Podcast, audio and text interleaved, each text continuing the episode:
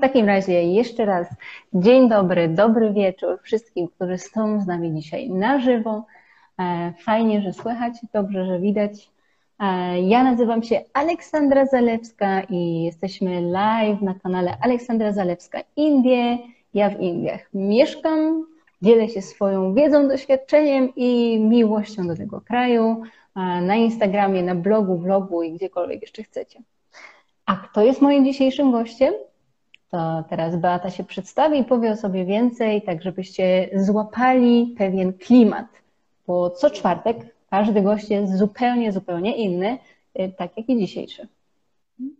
E, cześć, dzień dobry. E, ja się nazywam Beata Godlewska i z Indiami jestem związana w taki sposób, że e, trochę hmm, niezależnie od planu lub braku planu, zamieszkałam tam na prawie 2,5 roku.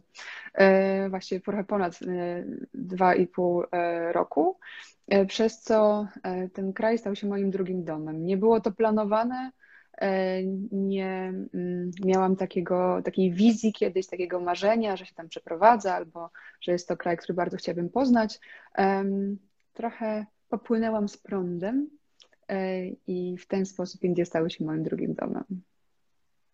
Doskonale to rozumiem. Ja przyznam szczerze, że też nigdy nie planowałam, wręcz wielokrotnie mówię, że uważałam, że Indie, no nie, chyba już by musiało naprawdę nie być żadnego innego kraju na mapie świata, żebym przyjechała do Indii. A jednak. No ale w takim razie powiedz mi może na początek i naszym słuchaczom i dzisiejszym widzom, co ty słyszałaś o Indiach, zanim pierwszy raz tutaj przyjechałaś? Ha, e, trochę informacji o Indiach miałam z tego powodu, że e, przez długi czas tańczyłam e, taki styl, który mm, jest fuzją różnych tańców etnicznych e, i e, technik e, europejskich, czy też świata zachodu może, który się kiedyś nazywało Tribal Fusion, a teraz się nazywa Belly Dance Fusion, więc on czerpał inspiracje i w ruchu, i w muzyce i w stroju, również e, z Indii, przede wszystkim e, z północy, e, z tańców północy, z estetyki te, te, tego regionu, więc takie formy nie wiem, wizualne czy artystyczne Indii jakoś były mi bliskie. Z tego też powodu przez jakiś czas nawet chodziłam na zajęcia z kataku, czyli jednego z klasycznych tańców subkontynentu. Więc w ten sposób one się gdzieś pojawiały e, w moim życiu jako e, formy wizualne, estetyczne, muzyczne, e, artystyczne. Okej. Okay. Więc w ten Bo ty z wykształcenia obecne. jesteś kulturoznawcą, ale w jakim tak. dokładnie zakresie? Ponieważ moje studia były takie bardzo interdyscyplinarne, mocno takie narzędziowe, dające, mm, właściwie budujące struktury poznawcze, to były to studia, które w zależności od tego, jaką się ścieżkę wybrało, e, mogły bardzo się od siebie różnić treścią. E, I kiedy byłam studentką, to najbardziej byłam skupiona na ścieżce takiej antropologii wizualnej e, i historii. Przez co bardzo długi czas się zajmowałam tematyką między innymi Holokaustu, jego reprezentacji w kulturze, czyli nie miało to absolutnie nic wspólnego z Azją, nie ma to nic wspólnego z Indiami. Przepraszam, miało, słuchaj, miało swastykę wspólną z Indiami. Tak, w tym, w tym, w tym sensie tak, tak. Mi się nawet zdarzyło kiedyś ostrzec y, tutaj gościa na wycieczce, to znaczy obywatela Indii, który był na wycieczce w Warszawie, której ja byłam przewodnikiem, on był jednym z, z wielu uczestników i miał dość duży wisiorek ze swastyką. Więc na tym poświęciłam jakby e, chwilę tutaj na wycieczce, jakby trochę go ostrzegając, to może być odbierane co najmniej dwuznacznie, jeśli ktoś wyłapie ten symbol, mimo że jednak ta nazistowska wygląda inaczej, ale to są na tyle subtelne różnice, że dla powiedzmy, nie wiem, przeciętnego odbiorcy to, to będzie niezauważalne. Nie tak. Um, więc y, te, te Indie pojawiły się totalnie spontanicznie, y, z tego powodu, że w którymś momencie trochę miałam dosyć dotychczasowej pracy, Chciałam trochę więcej się skupić na tych moich działaniach scenicznych, tanecznych właśnie i moja koleżanka tancerka, z którą byłam w zespole, mm, ona pojechała raz na kontrakt taneczny do Indii I następnym roku powiedziała, że chciałaby wrócić, ale już nie na kontrakt, tylko bardziej jako wolny strzelec. Zobaczymy, jak to wyjdzie, może coś tam się uda zrobić. Powiedziała, ale żeby było mi raźniej, to pojedziesz. Trochę tak, może będzie mi raźniej, jak pojedziesz ze mną. I właściwie powiedziałam, a czemu nie? I właściwie trzy tygodnie przed wylotem z Warszawy podjęłam decyzję, że no to pojadę na miesiąc, dwa, zobaczymy jak będzie. I ten wyjazd się skończył tym, że wróciłam trzy dni przed tym, zanim mi się skończyła ważność wizy. E, że zostałam dużo dłużej niż planowałam. Natomiast moja pierwsza wizyta w Indiach miała jeszcze inny charakter. To było w 2011 i pojechałam na halo, tydzień halo. do New Delhi. Tak? Mhm. Pojechałam mhm. na tydzień do New Delhi um, jako e, członkini kolektywu muzyczno-tanecznego na występy na międzynarodowym festiwalu. E, I była, był to zespół Masala Sound System, który był jednym z występujących e, na takim festiwalu, mm, takim showcase trochę, pokazującym różnych artystów z Europy. I ja i moja partnerka zespołu pojechałyśmy tam właśnie jako współwystępujące. I to było dokładnie tydzień, czyli jeszcze się nie przyzwyczailiśmy do zmiany czasu trochę, kiedy trzeba było już wracać i większość czasu spędziłyśmy w busie między studiem nagraniowym, próbami, sceną i backstage'em. E, I to był taki roller coaster, że mm, właściwie nie miałam dużo styczności ze światem poza e, tym jakby tutaj życiem scenicznym i tym momentem jakby e, wykonywania tych zadań artystycznych i już, się, już trzeba było wracać. No ale to był takie takie trochę, nie wiem, jakie uszczypnięcie. Hmm, dotknięcie. Jest, dotknięcie, takie, jest takie miejsce, jest takie inne, jest takie zaskakujące i jest takie trudne. E, więc e, takie, że jak się pojawiła ta wizja, to może spróbujemy tam pojechać. Myślę, okej, okay, jakby jest to dość szalony pomysł, ale właściwie czemu nie? Zawsze mogę wrócić. Okej, okay. czyli jakby podziwianie Delhi z okien autokaru, Vana. busa, Vana, tak, busa zespołowego, tak, tak to okay. wyglądało. I backstage e... różnych scen. Mhm. Okej, okay. i jednak pomimo tego, co widziałaś czy nie widziałaś, stwierdziłaś, że warto wrócić tam. E, raczej spróbować zobaczyć, jak tam jest i jakby zbudować życie w zupełnie innej sytuacji.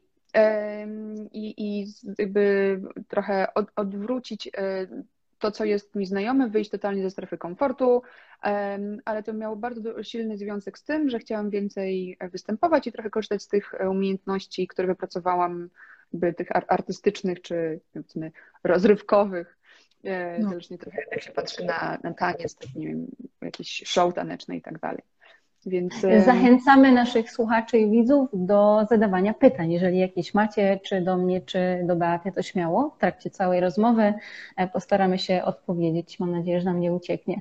No dobra, no to czyli tak, dotknęłaś tego za okna, a potem przyjechałaś mhm. i w zasadzie od tego czasu wracasz, bo tak jak tak. napisałaś, tak. no prawie trzy lata tak. pomieszkujesz w tych Indiach. E, co się zmieniło? Jak się zmieniła Twoja percepcja? Co Ci się w tym czasie udało zobaczyć, spróbować? Mhm. E, jak e, Twoja perspektywa tego kontaktu z Indiami się zmieniła? No bo jednak przez tak długi czas mhm. dużo się może zmienić. Tak, na pewno to, co było takie odświeżające, powiedziałabym. E, I bardzo inne od tego, co mam wrażenie, bardzo wielu e, ludzi Zachodu buduje w sobie jako obraz Indii. E, to po pierwsze, jeśli ktoś jedzie do Indii, żeby zmienić swoje życie, bo, doznanie, do, bo, bo dozna oświecenia i wtedy będzie miał głęboki kontakt z samym sobą, z innym światem, odnajdzie spokój i mm, głęboko duchowo się rozwinie, to nie do końca tak wygląda jak w filmach. E, wydaje mi się, że tutaj takie głębokie zmiany mentalne, które ja odczuwam w sobie,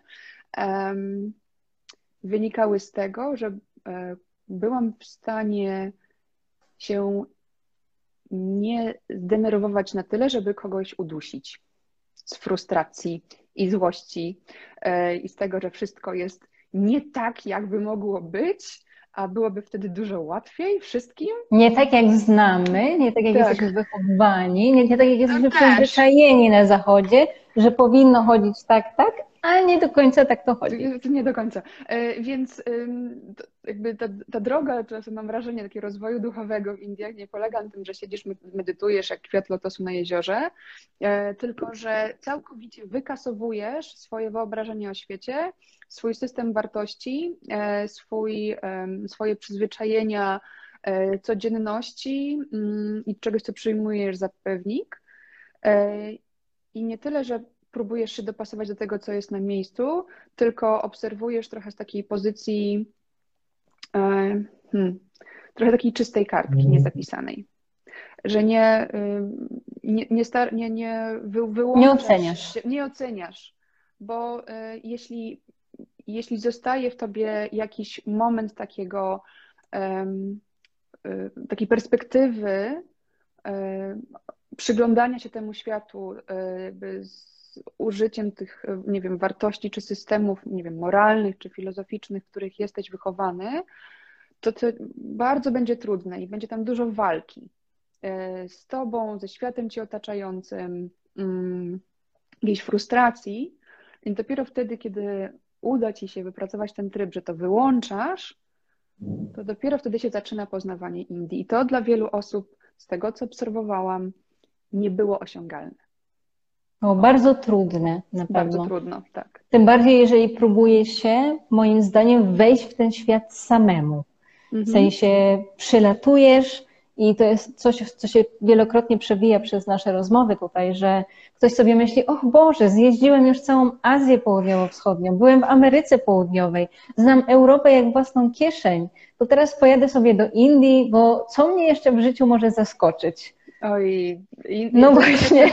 To jest tak, że też im dłużej mieszkałam w Indiach, tym więcej, więcej zbierałam doświadczeń, e, tym z większą pokorą przyznawałam przed sobą, że im więcej wiesz o Indiach, im więcej tam spędzasz czasu, tym bardziej skomplikowane one się robią. I to jest e, takie doświadczenie, którego nie miałam jeszcze w innym kraju. Że przez to, że trochę się jakby rozwija ten kobierzec e, bogactwa Indii, e, jakby społecznego, politycznego, kulturalnego i się okazuje, że warstw jest tyle i one są tak splecione w tak nie, niezwykłe e, tutaj formy, że to jest trochę nie do ogarnięcia czasem. I, i to zajmuje sporo takie... czasu. Dlatego trzeba mieć, mhm. zgodzisz się, trzeba mieć dobrego przewodnika, który cię wprowadzi w to i trochę ci ułatwi e, trawienie tego, na co trafiasz. Tym bardziej, że trafiasz na tydzień, dwa, trzy to są już takie naprawdę wyprawy dłuższe, e, z tego co wiem w tych mhm. polskich przynajmniej biurach podróży. No jak się odnajduje teraz w Polsce, polskich Twoich podróżach i treningów w miejscu z Baratem? Kto pyta? Yoga Vagabond? No, pytanie do ciebie to tak, odpowiadaj. Ewy chyba. E, jeszcze muszę czekać, tylko sobie zerknąć na to pytanie, nie? czy super cię widzieć. A. O, jak się odnajduję w Polsce? Mm, Polska jest bardzo mała. To jest y, też takie doświadczenie, które, czy też perspektywa, którą zbudowały we mnie Indie. To znaczy, wydaje mi się, że po prostu Europa jest niezwykle intymnym, niewielkim, cichym i spokojnym miejscem. I, a Polska to już jest taka maluteńka e, zupełnie.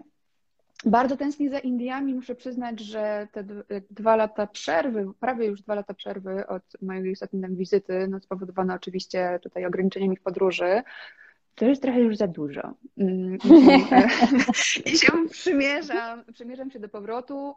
E, Nie martw się, już Niebawem, już tak, niebawem. Generalnie na biznesowych, leczniczych i tak dalej można, a turystyczne już niebawem, także wiesz. Tak. Co więcej, moja ostatnia wizyta do Indii jest wciąż ważna, e, więc ta moja wycieczka tam się wydaje taka bardzo e, prawdopodobna. E, czego mi jeszcze brakuje? Brakuje mi intensywności doznań. I to jest troszeczkę tak, że jeszcze raz, w zależności trochę od konstrukcji psychicznej, od tego, jak jesteś przygotowany, czy masz osobę, która ci pomaga się w tym gąszczu różnych kodów. Socjalizować i, i tak. zakulturować. Tak, tak, to jest, pomaga. To Indie to jest, można mieć troszeczkę taką łagodniejszą poduszkę lądowania, kiedy wiesz, z czego wynikają różne zachowania, kiedy y, rozumiesz, nie wiem, na przykład gesty, albo wiesz, których mielizn unikać przynajmniej na początek, y, bo których się możesz po prostu zginąć, y, w sensie nie, nie dotrzeć na przykład na, na czas gdzieś, bo Google Maps mówi jedno, ale życie pokazuje zupełnie coś innego. Także to jest. Nie, nie, zdecydowanie Google Maps w Indiach to nie jest dobry pomysł. To nie jest dobry pomysł. Uwierzcie mi, ilość budów, tak, która się dzieje na bieżąco i mhm. to, że jeszcze wczoraj e, ta droga była dwukierunkowa, a dzisiaj już jest jednokierunkowa e, i jeszcze inne różne zmiany, Google za Indiami nie nadąża po prostu, więc mhm. e, no niestety. Nie za bardzo. Nie za bardzo. I to jest, to jest też taki kraj, który mm, który może być mega wyzwaniem dla zmysłów człowieka zachodu, bo wszystkie zmysły są pobudzane, to jest najmniej, e, że powiem, intensywne słowo, którego tutaj może, mogę użyć. Pobudzane cały czas. To znaczy są e, i kolory, i zapachy, i dźwięki, i dotyk jednocześnie. I to może być dla wielu osób też dużym wyzwaniem. No i smaki też są totalnie Smaki, inne. też oczywiście zupełnie tak. Wszystkim. Y, szósty zmysł również, żeby się orientować, co się dzieje. Więc to jest kraj z taką intensywnością, że kiedyś ktoś mnie zapytał, czy to jest um, kraj dobry do tego, żeby sobie odpocząć na wakacjach. Powiedziałam, hmm, tak, ale musisz wtedy pojechać w bardzo konkretne miejsce. Pamiętam, miałem kiedyś znajomych, którzy pojechali właśnie na wakacje do, do Indii e, i wiedzieli, że ja jestem wtedy byłam wtedy w Mumbai e, i się udało nam spotkać i oni przyszli tacy lekko potargani. Jakby ich tak ktoś lekko przeciągnął, e, że tak powiem, po zakurzonej drodze, ponieważ sądzili, że no, jakby to, to miasto, e, jedno z głównych miast, to będzie bardziej uporządkowana rzeczywistość i właśnie będzie tam się łatwo poruszać. I, i tutaj. Nic bardziej mylnego. Nic bardziej mylnego, ale żeby nie zapytali się mnie o żadne, nie, nie, nie prosili o żadne sugestie, kiedy budowali swój plan. Ja powiedziałam, hej, uprzedziłabym Was, że jak na spokój, porządek, odpoczynek i jakby um, takie opcje, żeby się trochę zresetować, to na przykład um, fajnie Kerala. było, nie wiem, Kerala, tak, południe, albo w ogóle na Andamany. Na Andamany, dokładnie. Tak, wspaniałe miejsce, albo gdzieś bliżej już gór. Fajnie by było do, do Ladakh na przykład Rishikeshu, to, to tam, do Rishikeshu, tak? Natomiast y, może jednak nie do Mumbai. E, bo tam, wiesz, tutaj twoje zmysły będą... W zasadzie chyba najgorszy wybór, jaki mogli zrobić. Gorszy nawet tak. niż Delhi czy Bangalore, także mhm. przykro mi. Tak, tak. Także moi drodzy, plany podróżnicze też warto konsultować i też po raz kolejny powiem, nie z blogerami podróżniczymi. E, naprawdę społeczność, jeżeli nie lubicie mnie z jakiegoś powodu e, e, albo nie chcecie mi zaufać, to naprawdę społeczność Polaków żyjących gdzieś tu w Indiach jest nieduża, ale jest parę osób i na grupach można znaleźć kogoś, kto rzeczywiście tak jak ja tutaj mieszka i powie Wam realnie, co warto zrobić, albo raczej czego warto nie robić, bo myślę, że do, do Indii trzeba raczej z tej perspektywy podejść.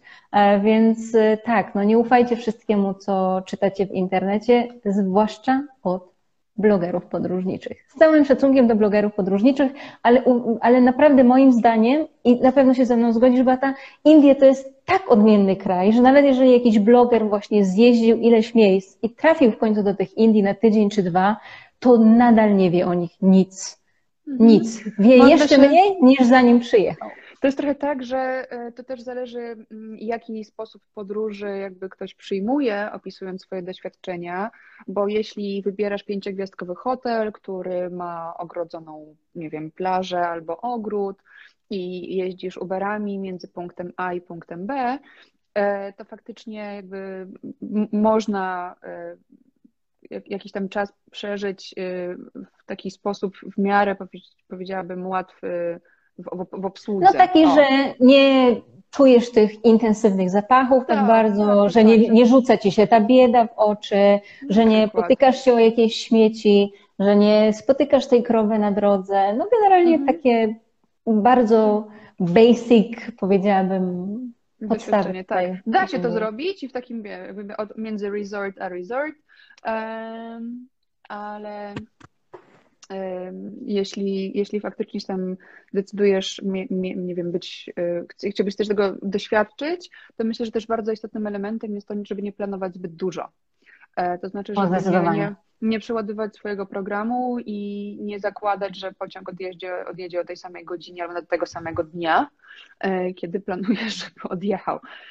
Dużo trzeba sobie więcej dać czasu w Indiach niż e, w praktycznie, nie, nie wyobrażam sobie, że w bardzo wielu miejscach i żeby cieszyć się tym, czego się doświadcza, kiedy masz 6 godzin spóźnienia na przykład, tak? E, więc to jest, więc to jest e, coś takiego no, istotnego, żeby też o tym okay. pamiętać.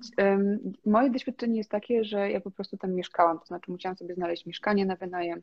E, byłam jakby chodziłam na lokalny bazar, przechodziłam na lokalną ulicę, jeździłam jakby rikszami codziennie, to była moja codzienność, e, więc po prostu też moje doświadczenie jest inne i e, z całą pewnością, bo wiem też i odwiedziłam, są takie jakby miejsca trochę jak z katalogu, e, które świetnie wyglądają na Instagramie, nie trzeba niczego Photoshopem wymazywać, co, co nie pasuje do tego obrazka, ale że jeśli chce się odpocząć, tak, czyli nie mieć tego, tego przebodźcowania na przykład, albo takich intensywnych doświadczeń, to trzeba odpowiednio wybrać i, i dobrze kogoś zapytać, w którym miejscu nie będzie non-stop słuchać na przykład klaksonów. E, tak 24 mm, Dokładnie. godziny na dobę, bo albo żeby pamiętać o tym, że trzeba koniecznie zabrać ze sobą zatyczki do uszu, jeśli się e, ląduje w takim miejscu, które wydaje się być popularny wśród turystów, ale odpoczywać to tam się średnio udaje. O. No dobra, a Twoje doświadczenia z Indusami?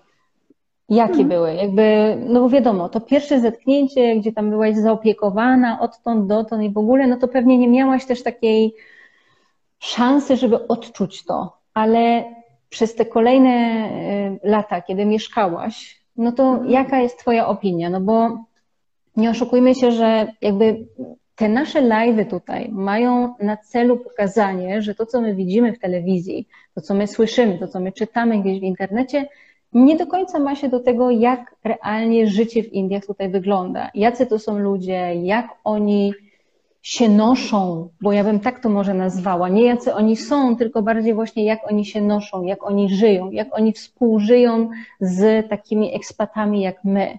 E, jak to wygląda z Twojego doświadczenia? O, to byłoby bardzo trudno ująć jakby w kilku zdaniach. Po pierwsze, nie chciałabym mieć opinii o, o, o całym narodzie, e, ani o całej kulturze. To jedno. Drugie. Dlatego stricte zależy... pytam o Twoje własne doświadczenia. No bo wiadomo, że e, nie podsumowujemy całości. Natomiast też to jest bardzo zależy od tego, jakby z, z, jakimi grupami społecznymi się stykasz, bo jeśli jest tak, że, że funkcjonujesz właśnie w tym obszarze między jednym eleganckim hotelem a drugim, no to jakby też e, zachowania osób, z którymi masz styczność, są dopasowane do Twoich oczekiwań, no bo to są profesjonaliści i e, są tam sieci zachodnich hoteli, więc pewne standardy są e, oczekiwane jakby przez pracowników, niezależnie od tego, w jakim ten hotel jest kraju. Natomiast... Ja bym wręcz powiedziała, że w hotelach rzeczywiście takich pięciogwiazdkowych, nawet jeżeli jest to hotel typu Marriott, który znamy z wielu różnych krajów, no półka, jakby ta poprzeczka jest bardzo wysoko, podniesiona, tak, bo nie, nie spotkasz się nigdzie, dokładnie, nie spotkasz się, nawet nie chodzi o wnętrze czy o jedzenie, ale obsługa, nie spotkasz się nigdzie na świecie, chyba że w Emiratach, gdzie ewentualnie też będą ludzie pewnie z Indii e, pracowali, ale właśnie nie spotkasz się z taką no nie wiem, opiekuńczością połączoną z gościnnością, połączoną wręcz z takim lekko em, kolonialnym jednak Zresztą nie, są, myślenia. są takie, mm, tak, że trochę jest takie oczekiwanie, inaczej, trochę oczekiwanie od, czasem mam takie wrażenie, że od osoby przyjezdnej oczekuje się pewnego rodzaju zachowania em, i nie spodziewa się na przykład ktoś z obsługi, że się zwracasz bezpośrednio do tych osób, tak? Że mm, nie wiem, że dziękujesz im na przykład za posprzątanie pokoju. To że to jest zaskakujące dla, dla wielu osób, bo nie takie są też przyjęte standardy zachowania. Z mojej obserwacji to wynikało między osobami z różnych grup społecznych. Może to jest y, trochę za dużo z mojej strony to powiedzieć, ale jednak też w moim odczuciu jest tak, że mimo, że oficjalnie na papierze i w konstytucji nie ma kast, ale to kasty cały czas są w Indiach i to jest bardzo wyraźne. Czuję się. Em, to się czuje. Aczkolwiek, czy to nie jest trochę tak, mm, czy nie zgodzisz się ze mną, że to, to nie jest nawet kwestia tego, że, że ktoś wchodzi i ma wytatuowaną kastę na czole, ale Mhm. bardziej jest to kwestia portfela, że osoba, która, no jakby, wiesz, mieszka w takim hotelu, jak załóżmy ten Mhm. Marriott, no to ona, wiesz, ona może z dowolnej kasty pochodzić, ale jeżeli ma te jakieś zasoby finansowe, e, Mhm. coś nas rwie, nie wiem, czy to mój internet, czy twój, czy nasz, czy co, to, to ona jest po prostu inaczej traktowana. Czy to nie jest kwestia, czy to jest rzeczywiście kwestia kast, czy to jest bardziej kwestia tych różnic finansowych, które no, w Indiach potrafią być ogromne. Y, Ponownie, jakby z moich tutaj oczywiście ograniczonego pola obserwacji, em, to nie tyle chodziło o finanse, co o mm, sieć, której jesteś, sieć połączeń między ludźmi. O. E, I oczywiście pieniądze mogą otworzyć wiele drzwi, ale nie wszystkie. E, I to jest trochę tak, że jeśli jesteś z tej uprzywilejowanej kasty, to nawet bez pieniędzy gdzieś możesz dotrzeć, albo po prostu jesteś z takiego środowiska, że twój cały, mm, twoje,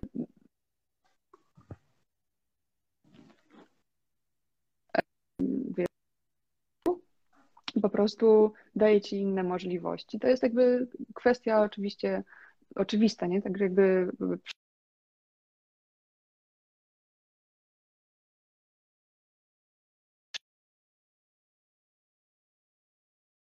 prostu do, do pewnych, nie wiem, sytuacji czy możliwości e, dostępu. E, Więc trochę wracając do Twojego pierwotnego pytania, ja miałam styczność z bardzo, bardzo bogatymi ludźmi, takimi naprawdę posiadaczami niewyobrażalnego majątku, e, ale ponieważ mieszkałam tam na co dzień, to na co dzień spotykałam się też z ludźmi e, z, z tych grup społecznych, e, które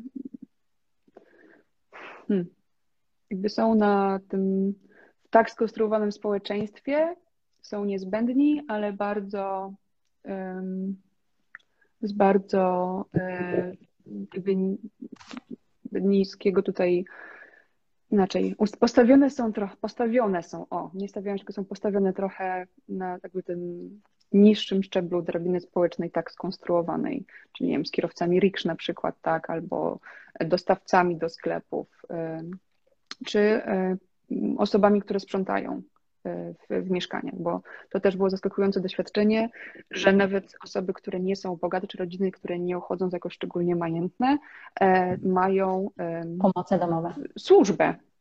Bo to są pomoce domowe, ale określane jakby przez samych mieszkańców jako po prostu służba, ponieważ praca jest bardzo, praca jest bardzo tutaj nisko wyceniana. To prawda, to prawda. Znaczy, no prawda jest taka, że w Indiach I w zasadzie to nie jest tylko kwestia Indii, to jest kwestia całej tej jakby grupy kulturowej. W zasadzie od Bliskiego Wschodu bardziej już na wschód idąc, jako kulturoznawca mm. pewnie się ze mną zgodzisz, że oni są po prostu takim społeczeństwem, że tutaj koneksje i tylko koneksje i wszystko się załatwia poprzez koneksje. Jakby u nas Raczej inna, tego... Wie, powiedziałabym więcej. Bardzo wielu rzeczy się nie da załatwić, niezależnie Bez od koneksji. oficjalnych kanałów, bez całej sieci tutaj wsparcia, że ktoś zna kogoś, kto zna kogoś, albo nie da się też załatwiać rzeczy bezpośrednio.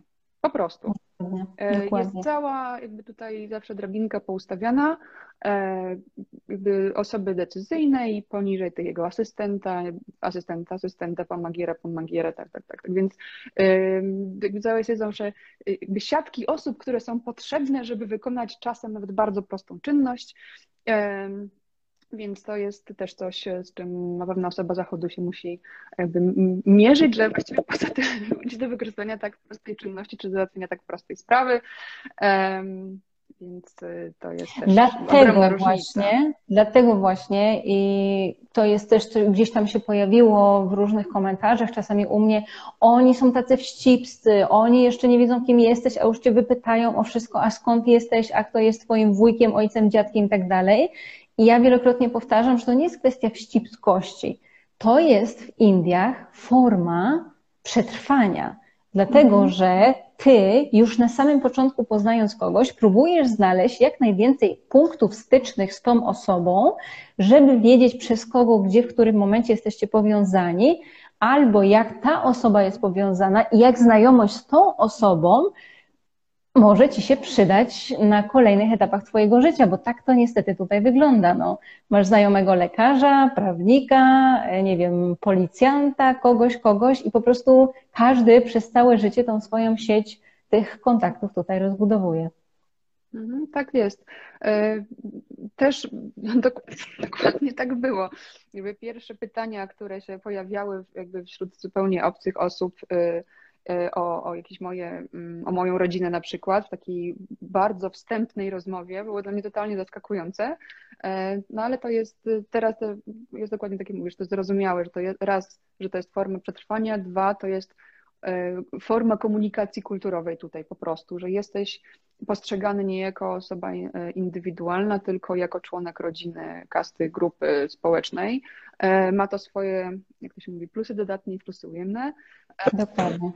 Więc, Co nie zmienia faktu, coś, że, z czego trzeba być że dokładnie i że to też działa w ten sposób, mm, że no, jak bierzesz ślub nawet, prawda, no to to nie jest, w Indiach się to wielokrotnie mówi, to nie jest związek dwóch ludzi, to jest związek dwóch rodzin.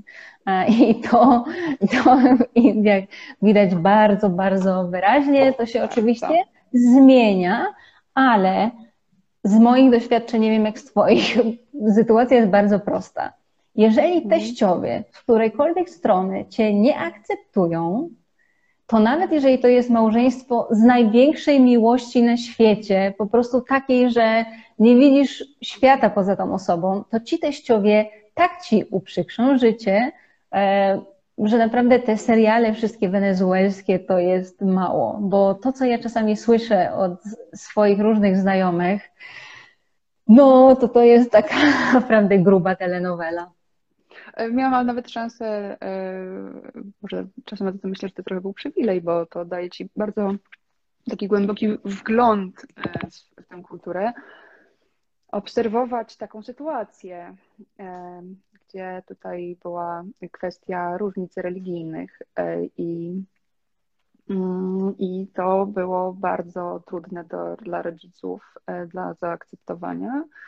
I to jakby żeby, roz, żeby rozwiązać tę sytuację, e, właściwie nie było możliwości i Państwo młodzi trochę mm, musieli postawić rodzinę pod ścianą, że słuchajcie, albo to zaakceptujecie, albo po prostu zrywamy kontakt. I, i, i tak by doszło do takiego e, tutaj, do takiej eskalacji aż. E, znaczy, opcje są koniec, różne, no koniec ale... końców, koniec końców, tak? Już jest dobrze?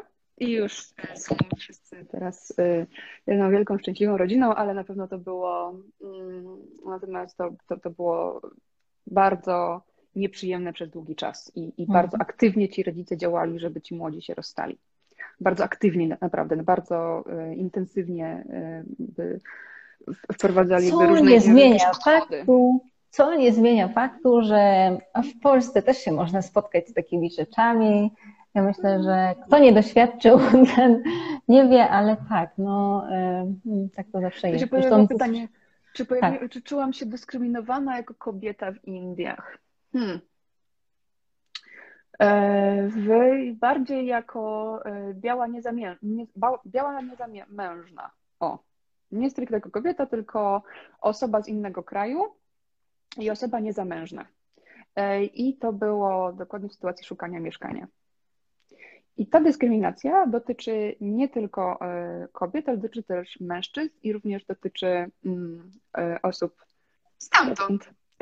Czyli jak się nie jest zamężnym, to wiadomo, że się jest wielkim problemem dla sąsiadów.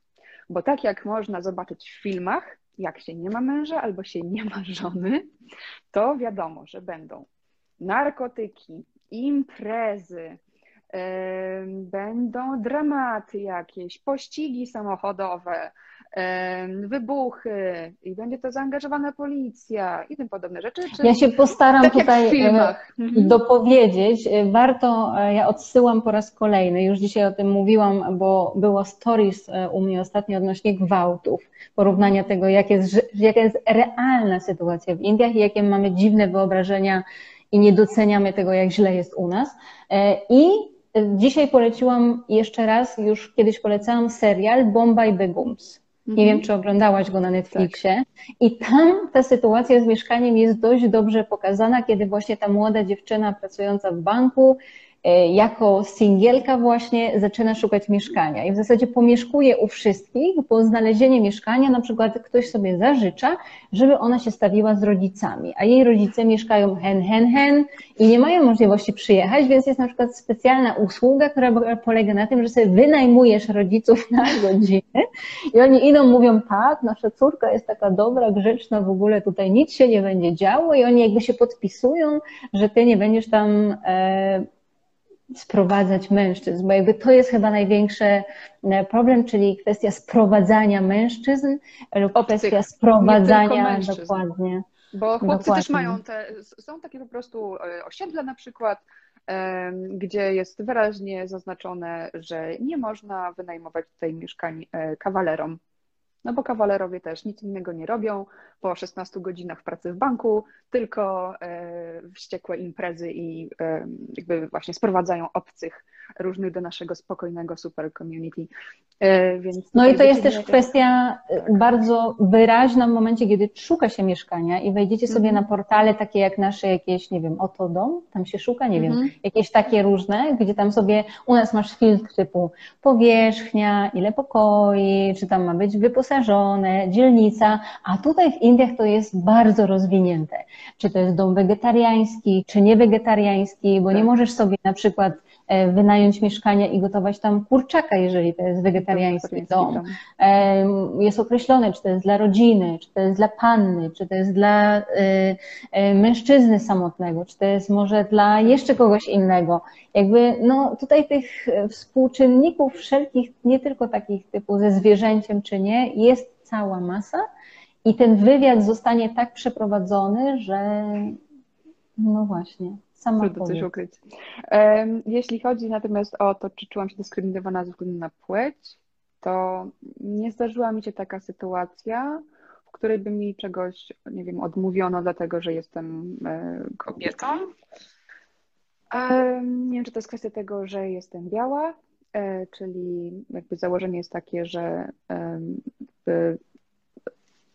nie wiem, właśnie takie jakieś takie postkolonialne tutaj echo by tutaj wybrzmiewało, czy po prostu nie byłam w takiej sytuacji i, i, i o takich sytuacjach też trochę nie słyszałam ani od swoich znajomych. Nie ma czegoś takiego. Generalnie z mojego doświadczenia to nie jest tak, jak jesteś w kraju muzułmańskim, gdzie jakby poniekąd czujesz, jeżeli wchodzisz nawet na jakąś biznesową rozmowę, że no cóż, że jakby, a gdzie jest tutaj szef tej firmy i jakiś mężczyzna, nie, który wszystkim takiego, kieruje? Nic takiego Indiach nie ma. Jedyna, jedyna e, jaka jest kwestia w niektórych miejscach, mnie się wydaje, to jest kwestia właśnie tego religijnego takiego podziału, czyli niektóre świątynie, chociażby w Tamil Nadu, czy w jakichś bardziej takich religijnych punktach, nie pozwalają wejść do tej strefy takiej już bliżej sakrum osobom, które nie są wyznawcami hinduizmu.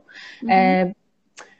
To nie znaczy, że jak oni widzą białego, to już zasady mówią stop, proszę się zatrzymać, tylko chodzi o pewną mowę ciała. Ja na przykład e, chodzę do świątyni, nie mówię, że regularnie, bo może nie jakoś regularnie, ale jakby wiem, jak się zachować i ja wejdę tam w taki sposób, że oni mnie nie zatrzymają, bo oni będą wiedzieli, że ja się wiem, jak zachować, bo jakby ich obawą nie jest to, że, że ty jesteś chrześcijaninem i zbezcześcisz to miejsce, tylko ich obawą jest to, że ty po prostu nie będziesz wiedział, jak się tam zachować i nie jest to komfortowe dla żadnej ze stron, stron. moim zdaniem. No ja byłam w, w, w świątyniach i, i, w trakcie świąt i, i jakichś modłów, e, więc e, czy właściwie takich też ceremonii. No ale wiesz, jak pojedziesz do Maduraju, do świątyni Minakshi, no to tam już, wiesz, na przykład tak jak ja z grupą turystów, no to tam już do do tej części takiego serca Jasne, świątyni nie wejdziesz. jakby na, mhm. do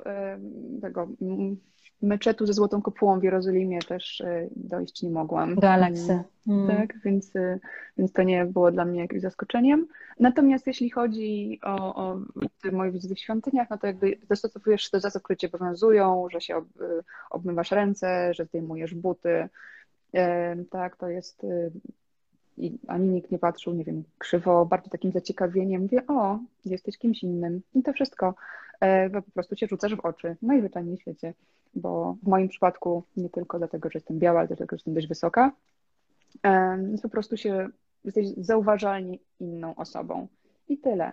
Ale nie zdarzyło mi się na przykład, żeby ktoś, e, nie wiem, mnie zatrzymywał albo gdzieś, nie wiem, łapał albo nie wiem, molestował, bo ten temat się często pojawia i to jest prawda, jak o tym pisałaś w Twoich e, tutaj relacjach.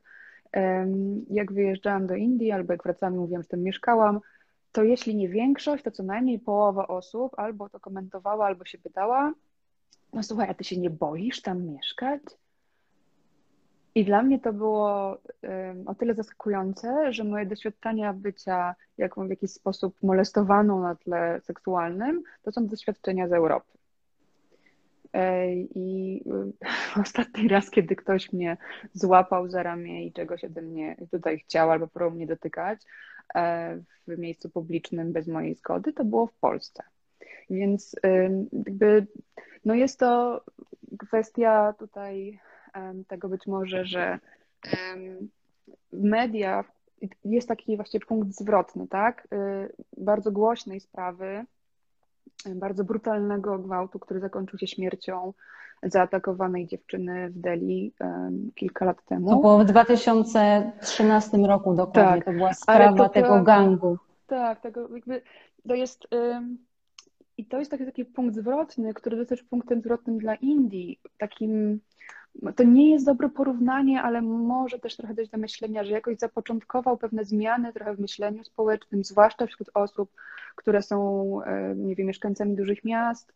E, może to nie było takie indyjskie mitu, ale reakcja publiczna e, na, to, na tę zbrodnię była naprawdę potężna i były zmiany wprowadzone też w prawie, jakieś procedury, które być może są jakimś małym krokiem gdzieś tam w przód, żeby to doświadczenie przemocy seksualnej e, było e, uznawane za e, faktycznie przestępstwo i zbrodnię, a nie oczywistość, która musi być zaakceptowana. I to jest proces, który musi, jakby, musi tego doświadczyć każde społeczeństwo chyba świata i to nie jest tak, że Indie są jakoś szczególnie z tyłu za na przykład Polską, ponieważ obserwując to, co się dzieje w Polsce, tym jak są traktowane osoby zgłaszające przemoc seksualną, jaki jest odsetek jakby skazanych i na jakie wyroki. W, in, w Indiach i y, jakby jak porównamy to Stany, słuszna, tak jak ja... że to jest tak, że to jest słuszna droga, ale tylko może nie wszyscy są tego świadomi. Osoby, które zostały uznane winnymi tej zbrodni, czyli gwałtu bardzo wyjątkowo brutalnego, zakończonego, który się skończył niestety śmiercią e, zaatakowanej dziewczyny, zostali skazani na śmierć. Nie na trzy lata w zawieszeniu. Więc to jest. No tutaj, tak jak ja pisałam, że tutaj, jest oczywiście tutaj jest tutaj kwestia właśnie to. Ten 2013 był bardzo przełomowy i to jest też tak, że jakby po pierwsze, to, to jest naprawdę gdzieś tylko w naszej świadomości, że no ale wiesz, Ola, no jak to oni są tak daleko w tych statystykach? To znaczy, że one są jakoś niedoszacowane, te statystyki. A ja jak mówię, na całym nie. świecie są niedoszacowane. Dokładnie. Jakby jak po, poczytamy, jeżeli ktoś by się zainteresował, tak jak ja podałam te dane, to o 60% są niedoszacowane statystyki na całym, całym, całym świecie. I jeśli teraz porównamy to na przykład ze Stanami Zjednoczonymi, które się wydają nam takim zawsze, wiecie, no po prostu modelowe państwo z modelowym prawem, nie wiadomo co, i jednak ktoś, kto jedzie ktoś, kto jedzie do Stanów, nie czuje się niebezpiecznie, a jadąc do Indii każdy pyta o gwałt, no to mówię, co 68 sekund w Stanach, a co 19 minut w Indiach, jeżeli już tak to próbujemy porównywać. Natomiast w Stanach skazanych osób za, rzeczywiście skazanych, e, które miały wyroki, to jest 3%. 97% e, osób, które miały, brały udział w jakiejś przemocy seksualnej i, i gwałtach, chodzi sobie po prostu dalej po e, ulicy. No więc Poza tym na przykład w Indiach nie ma dostępu, nie ma, nie ma dostępu do broni w Indiach. Nie ma tak, że sobie możesz iść i kupić pistolet i jak ci coś przyjdzie głupiego do głowy, to wystrzelasz połowę e, ludzi. Więc no, z punktu widzenia takiego właśnie nawet nie tylko kobiety, bycia kobietą w Indiach, ale bycia w ogóle człowiekiem, który mieszka sobie w Indiach. I serio, ja pamiętam, jak pracowałam kiedyś w banku. I rozmawiałam tam, wiecie, różnica czasu 3,5-4,5 godziny i teraz te wszystkie centra telefoniczne w Indiach funkcjonują w zasadzie 24 na dobę i oni mają tam zmiany średnio co 12 mhm. godzin. I jak jakaś dziewczyna mi mówiła, że ona o pierwszej w nocy będzie skuterem jechała do domu, to ja sobie myślałam, o Boże, to właśnie stąd te się wszystkie filmy biorą. I ja mówię, i ty się tak nie boisz? No i dopiero potem sobie uświadomiłam, jak już tu byłam, że, no, że właśnie to nie jest tak, że na każdym kroku ktoś w Indiach na ciebie czyha, żeby wyskoczyć i nie wiem, zrobić ci krzywdę, udusić się i tak dalej, bo jakby poziom w ogóle przemocy wszelkiego typu w Indiach jest raczej niski ale o tym będzie inne stories. Mhm. Więc e, to też jest e, oczywiście tutaj warto zauważyć, że jest gigantyczna różnica między sposobem życia i e, też możliwościami, w jaki sposób się możesz zachowywać.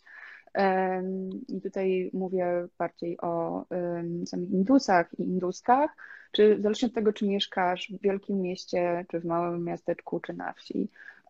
Więc tutaj różnice są największe i zupełnie inny sposób życia i też możliwości i świadomość i, i przyjęte normy zachowań są na wsi e, niż w wielkim mieście. Także mm, na tym też trzeba, też o tym trzeba pamiętać.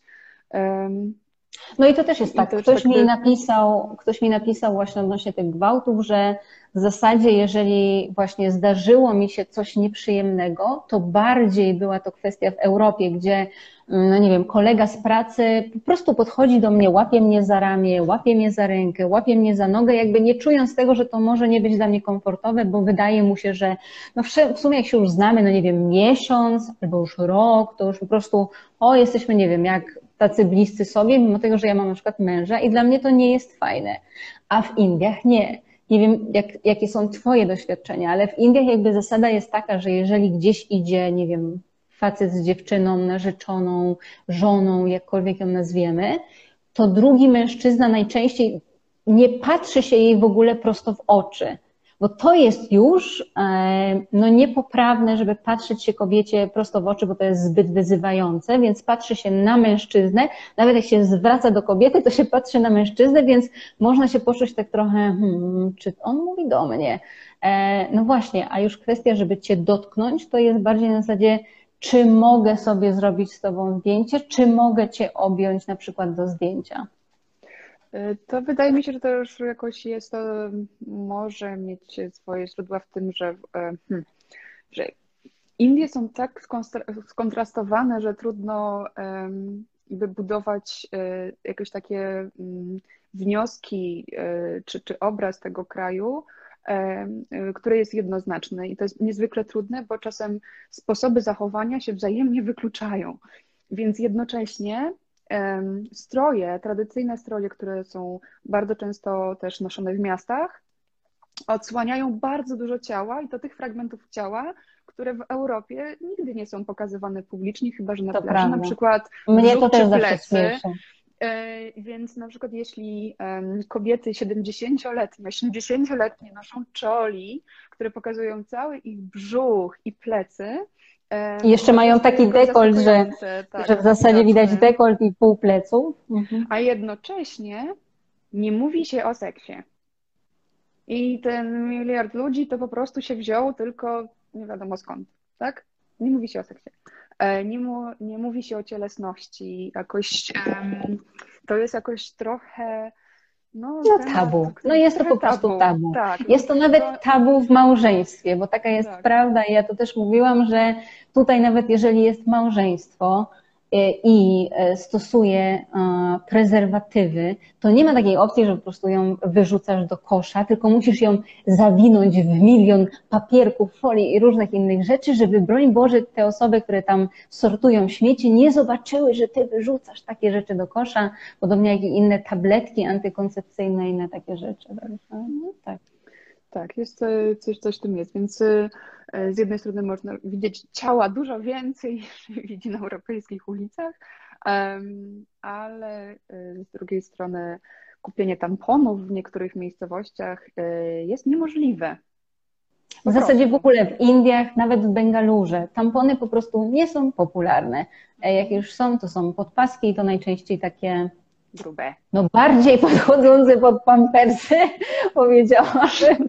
Dokładnie, także polecam silikonowe kubeczki sobie wozić do Indii, to jest bezpieczne. Natomiast rzeczywiście, tak, ale z drugiej strony, albo inaczej, z trzeciej strony, e, kwestia aborcji w Indiach, mm-hmm. you're welcome. Jakby, tak, wiecie, bez, bezpłatna. to, że jesteś, to, że jesteś kobietą, która nie ma męża i w ogóle nikogo nie interesuje. No przychodzisz, mówisz, tak jakoś wyszło, jakby robimy. No i kwestia, w którym jesteś tygodniu. No oczywiście będą lekarze, którzy powiedzą, nie jest to w zgodzie z moim sumieniem, ale tutaj koleżanka obok przyjmuje. I po prostu taki jest układ, więc nawet jeżeli znasz jakiegoś aptekarza, to on ci gdzieś tam spod lady zawsze te tabletki antyaborcyjne i jakby nikt nie robi o to wielkiego krzyku, nikt tam nie sprawdza. Mhm. E, tak. Tak, więc to jest, to jest znowu taki trochę paradoks i na przykład y, e, tabletki dzień po e, są w bardzo przystępnej cenie. Mm, I te, i, i te są generalnie dostępne. poronne i wszelkie Też tabletki poronne też są dostępne, e, więc tutaj jest to znowu trochę paradoks, wydawałoby się, tak, że jest to społeczeństwo, które z zewnątrz przynajmniej wydaje się być takie, które ogranicza kobiety, a tutaj jest naprawdę powszechny dostęp. E, jest w każdej aptece naprawdę i one są w takiej cenie, która dla bardzo dużej części dla każdego jest, jest, dobrze, jest są dostępne. Więc... Tak, tym bardziej, że była cała akcja, bo ja na przykład kiedyś wrzucałam u siebie akcję z tym, jak zaczęto na prowincji wszędzie rozdawać kobietom bindi, te do naklejania, w których były hormony. Dlatego, że większość kobiet, e, zresztą chyba jak na całym świecie już, mierzy się z problemem tego, że masz niedobory po prostu różne jodu i masz na mhm. przykład niedoczynność tarczycy, e, co jest normą, co nie jest tylko kwestią u nas Czarnobyla i to samo jest w Indiach, po prostu kwestia diety, e, więc wymyślono tutaj w Indiach, w Indii, że było stwierdzono, że te kobiety będą zapominać tych tabletek, no nie wiem, no wiecie jak to jest. No, Czyli plaster antykoncepcyjny tylko w formie ozdoby Nie, to nie jest plaster antykoncepcyjny. To jest e, kwestia, to jest tylko dostarczenia hormonów na jakieś zaburzenia A, pod tytułem, okay. pod tytułem niedoczynność tarczycy. Okay. Tak. Więc to jest w tej opcji. Mhm. Ale jakby, wiecie, takich akcji właśnie społecznych jest tutaj dużo, dużo więcej. No bo właśnie kwestia chociażby tych podpasek wielorazowego użytku, czyli tych mhm. właśnie materiałowych, które można sobie gdzieś tam e, zmienić, przeprać, albo gdzieś tam dostęp do, wiecie, no wody to jest nadal w Indiach z nim problem, bo tak jak ja podawałam już kiedyś, 50% nadal nie ma dostępu do bieżącej wody, ale do bieżącej, do jakiejś wody masz, więc jesteś w stanie to ogarnąć. E, I tak samo właśnie z tymi lekami antykoncepcyjnymi, żeby nie było problemu, że o mój Boże, ona musi mieć 10 dzieci albo 20, E, tylko rzeczywiście no, zrobiono akcję pod tytułem Każda kobieta ma mieć dostęp do tego, no i ma. Więc tak. Nie jest na to, nie patrzy się na to tak jak u nas, że tam ksiądz cię z krzyżem będzie ganiał, że po prostu pro-life. Nie. Nie, aczkolwiek faktycznie dzieci są największym bogactwem, szczęściem e, i e, chyba, zaraz, czy, czy poznałam pary, które są ze sobą długo lub są małżeństwem i nie mają dzieci z wyboru? Muszę chwilkę pomyśleć. Nie. Nie. Ale. A, raz, tak, znam, oczywiście. Mhm. Znam jedną. Tak. E, Young Professionals, on jest menadżerem w hotelu, ona jest. Ale wiesz, jak to jest? To jest zawsze tak, że ale planują, tylko jeszcze nie wyjątek, wyjątek potwierdza regułę. Ale bardziej się zastanowić. Dokładnie. Zastanowić, tak, więc... Ale z drugiej strony jest też paradoks w tej kwestii posiadania dzieci, co mnie też ogromnie śmieszy, że możesz mieć to dziecko po prostu takie wyczekane, które momentami naprawdę, one są grzeczne. Jak są w szkole, to są grzeczne. Ale poza szkołą są tak rozpuszczone, że po prostu, jak to się u nas mówi, jak dziadowski bicz, e, więc biegają, krzyczą, to, co się dzieje u mnie pod balkonem, jest w ciągu dnia nie do ogarnięcia. E, a z trzeciej strony wiezie się takie dziecko na skuterze i jemu się kasku nie zakłada, no bo tak. Hmm. Więc no ojciec jedzie na przykład w kasku, jest obowiązek. Jest. Tylko dla kierowcy. No, no więc jedzie dla ojciec, który ma, ma kask, ale już matka na przykład nie ma, a jak matka ma, to na przykład trzyma niemowlaka, a przed ojcem jeszcze siedzi dziecko i taka cztero-pięcioosobowa rodzina jedzie i wiecie, na każdym zakręcie ten bobas tutaj na tej ręce i ja po prostu się zawsze łapię za głowę mówię. Ale Czy to jest forma regulacji populacji? Nie, no serio, ale Beata, no serio, tak jakby oni się nie wciskali wszędzie, wiesz? No, Bo to jest kwestia naprawdę. Prędkość jest niska. Także prędkość, prędkość jest niska. Tak, ale jak oni ci nagle wyjeżdżają gdzieś skądś, to kwestia, że kiedy cię uderzy auto i ten skuter się przewróci, nie wiem, no ja mam, ja, ja, ja, ja mam po prostu taki zawsze kamień na, na sercu i jak patrzę, no ale z drugiej strony myślę sobie, no ale jak oni inaczej mają się poruszać? No jakby nie mają innej opcji. Natomiast jeśli chodzi o te dzieciaki, które tam szaleją ci pod balkonem, to też jest kwestia tego, że one się po prostu muszą gdzieś, e, że tak powiem, przewentylować, bo e, to, jak restrykcyjna i, i bardzo obciążająca dla dzieci jest formuła edukacji w Indiach, to jest jeszcze inna sprawa, ponieważ jest ich tak wielu, to tylko jeśli jesteś najlepszy, to wtedy tylko coś osiągniesz, a ponieważ masz być dopełnieniem i przedłużeniem życia Twoich rodziców i największą dumą tych rodziców, to nie ma opcji, żeby było mniej niż 100%. Więc jak zdobędziesz te 99% e, tutaj punktów na teście, to sorry, ale jednak 10 innych dzieci zdobyło 100%, więc już nie jesteś pierwszej dziesiątce, więc jesteś nikim i w ogóle jesteś, e, złamałeś serce matce e, i zawiodłaś ojca, e, także wracaj, teraz musi być tutor, jakieś korepetycje, więcej testów, to wszystko przez ten internet, komputer, nie ma niczego, masz się uczyć 7 dni w tygodniu. I, i taka kultura, powiedziałabym, edukacyjno-pracowego zamordyzmu, to jest coś, co dla mnie było bardzo zaskakujące, e, że to jest, mm, hmm, że z jednej strony punktualność w Indiach, przynajmniej z mojego doświadczenia, po prostu nie istnieje, e, niezależnie od tego, czy korki są, czy nie, czy się mieszka blisko, czy nie, a z drugiej strony pracuje się 6 dni w tygodniu, a nie 5, nawet międzynarodowej korporacji, która powinna mieć na całym świecie te same standardy. Nie, nie to zależy na jakim stanowisku. To wszystko zależy. Więc... Nie, nie, nie. To zależy na jakim stanowisku i w jakiej firmie, bo akurat moi znajomi pracują pięć dni w tygodniu. Bardzo I mają zarówno sześć. święta, mają zarówno święta indyjskie, jak i święta na przykład europejskie też. Więc może tak powiedzieć, to zależy od firmy. Natomiast ja z kolei spotkałam się z tym bardzo często, że 6 dni w tygodniu jest praca um, i że te dzieci siedzą tyle w tej szkole i mają tyle pozadawanych tych, tych prac domowych, że to jest dużo więcej niż w Europie e, i że każdy przejaw indywidualnych takich potrzeb czy talentów dziecka jest e, tłamszony właściwie w zarodku. Jeśli ich talent czy dryk nie może być zakończony karierą lekarza, inżyniera albo adwokata.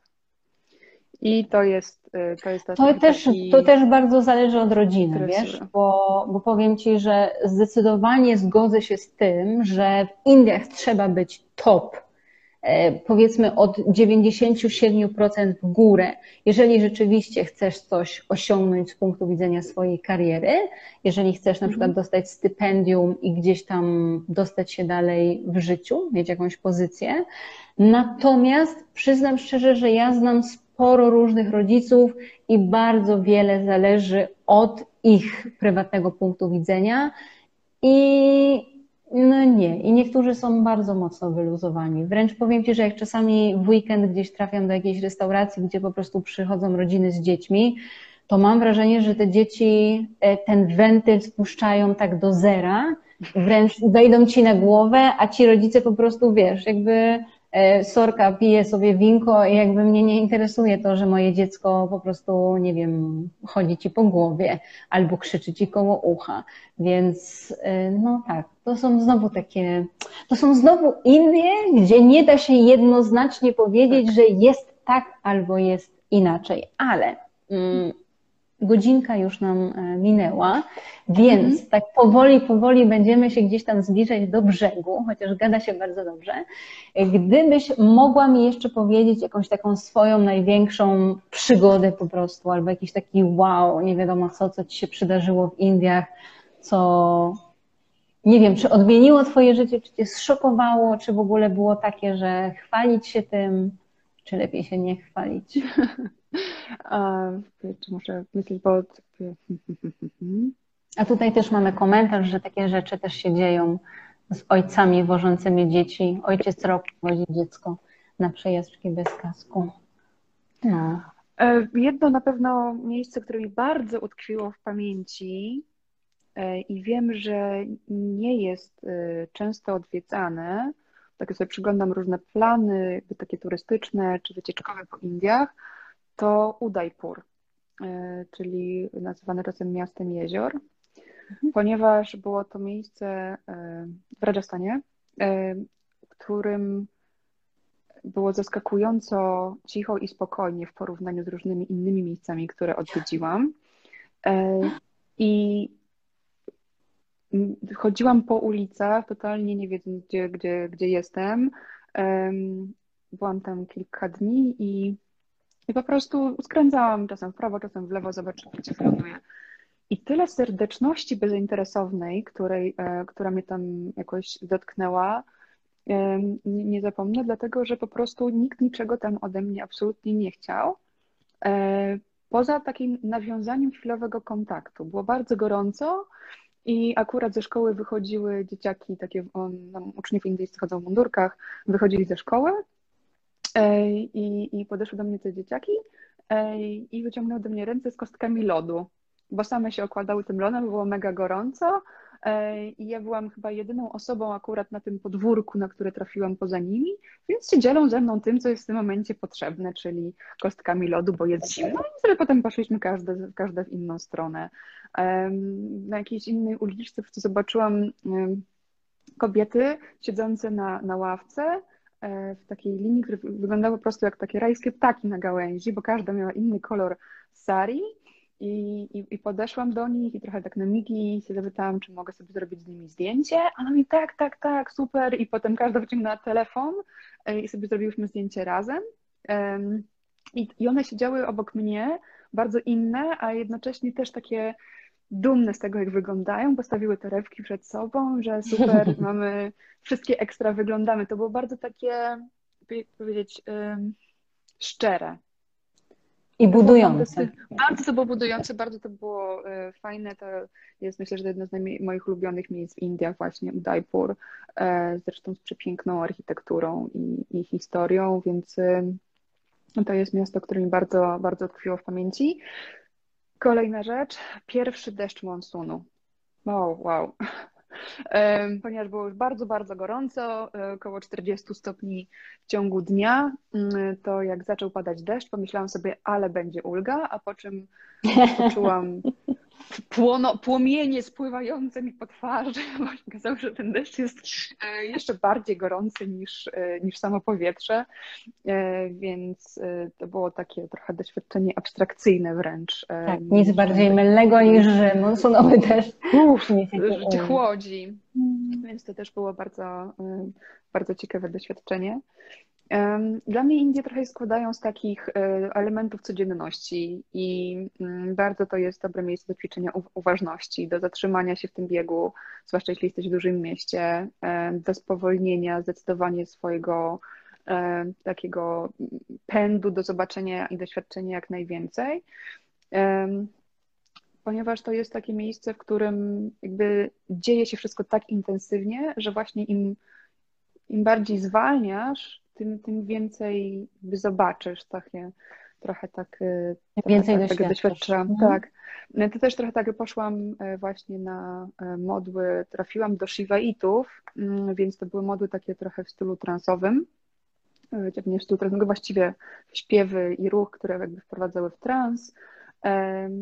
I ja weszłam w to razem z osobami wokół mnie e, i zostałam tak samo potraktowana jak wszyscy pozostali, to znaczy przeciągnięto mi po czole taką masę z gumą, która miała chłodzić właśnie po, po, jakby po skończonym transie.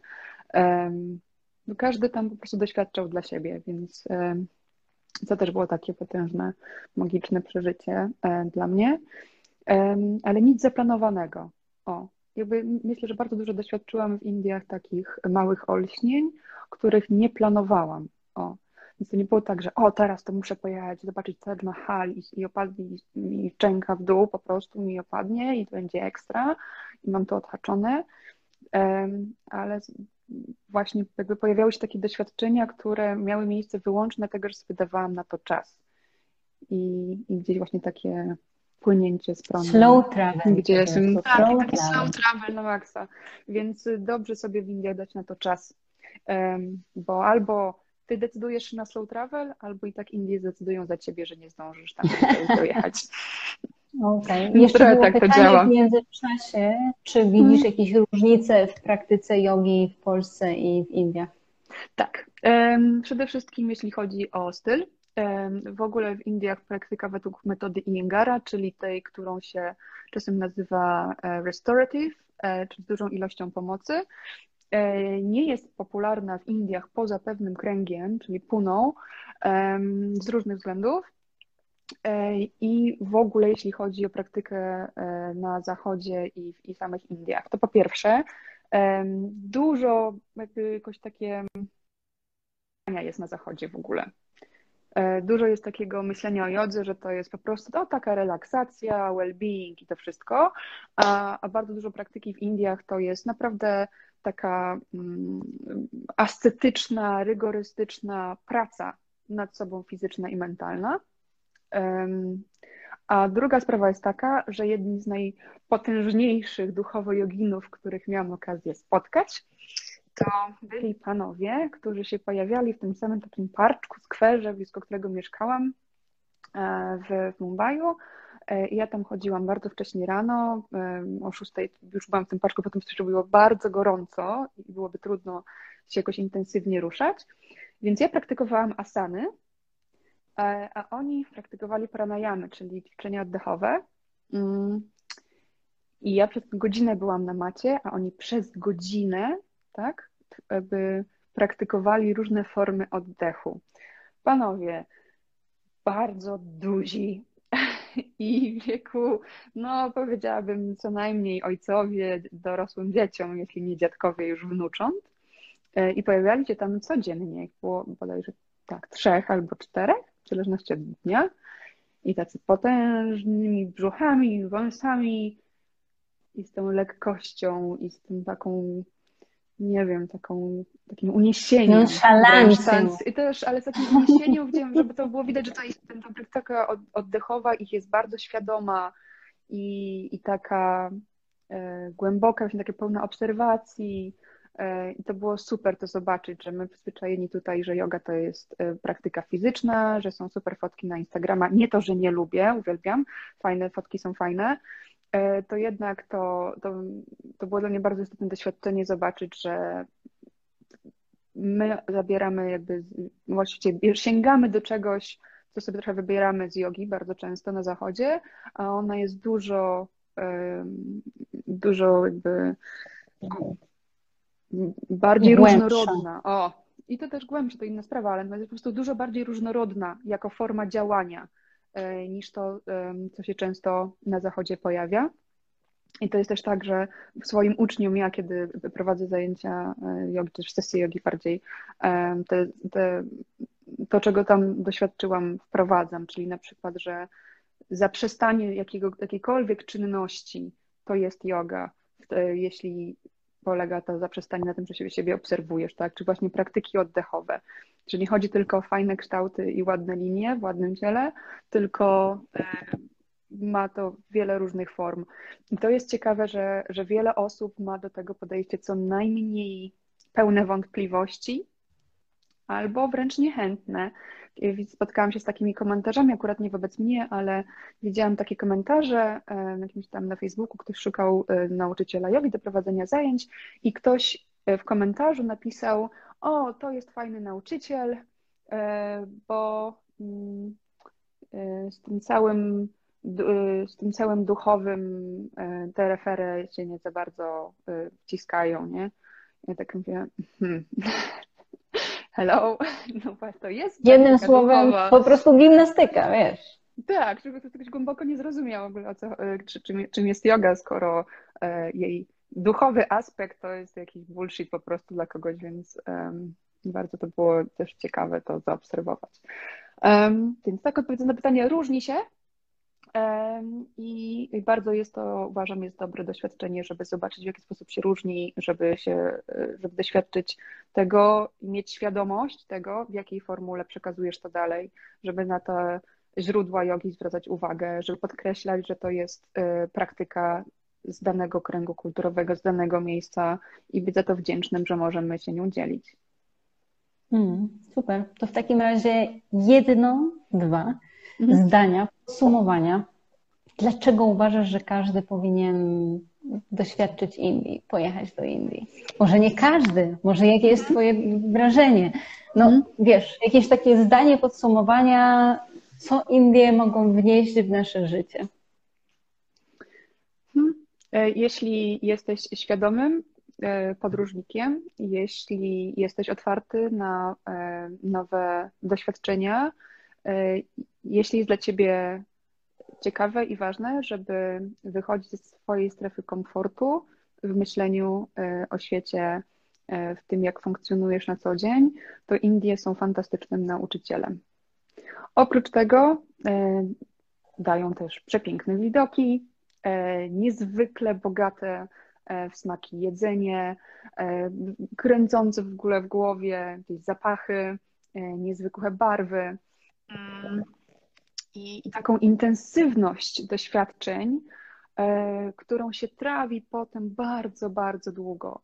I, I pewne rzeczy do ciebie docierają dużo później, kiedy masz jakby szansę trochę, trochę jakby postudiować wrażenia, które się E, których się doświadczyło. Więc to jest tak nieprzebrane bogactwo e, dla doświadczeń zmysłowych, e, plus potężna historia, skomplikowana polityka, w niektórych miejscach naprawdę oszałamiająca natura, że, że to jest kraj, którym moim zdaniem, jeśli nauczysz się trochę go obsługiwać, o, albo ktoś ci pomoże z tą instrukcją, rozkminić tę instrukcję obsługi na początku, to y, do niego się chce wracać. One są trochę uzależniające.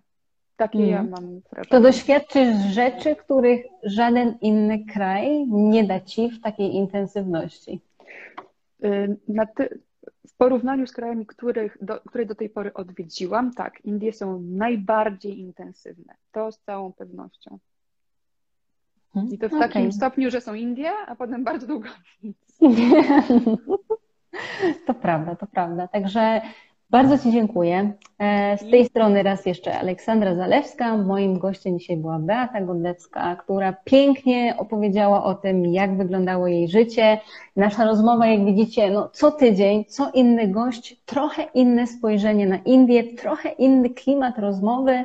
Dzisiejszy zupełnie inny, myślę, że taki bardziej intymny, kobiecy e, i e, z taką właśnie myślą, żeby, no tak, żeby skupić się na sobie, dzisiaj. E, chyba tak to musimy powiedzieć, Was zostawiam. Bardzo Ci dziękuję za rozmowę, dziękuję, że przyjęłaś moje zaproszenie. E, no i do zobaczenia w Indiach. Całkiem prawdopodobne. Cześć. Pa.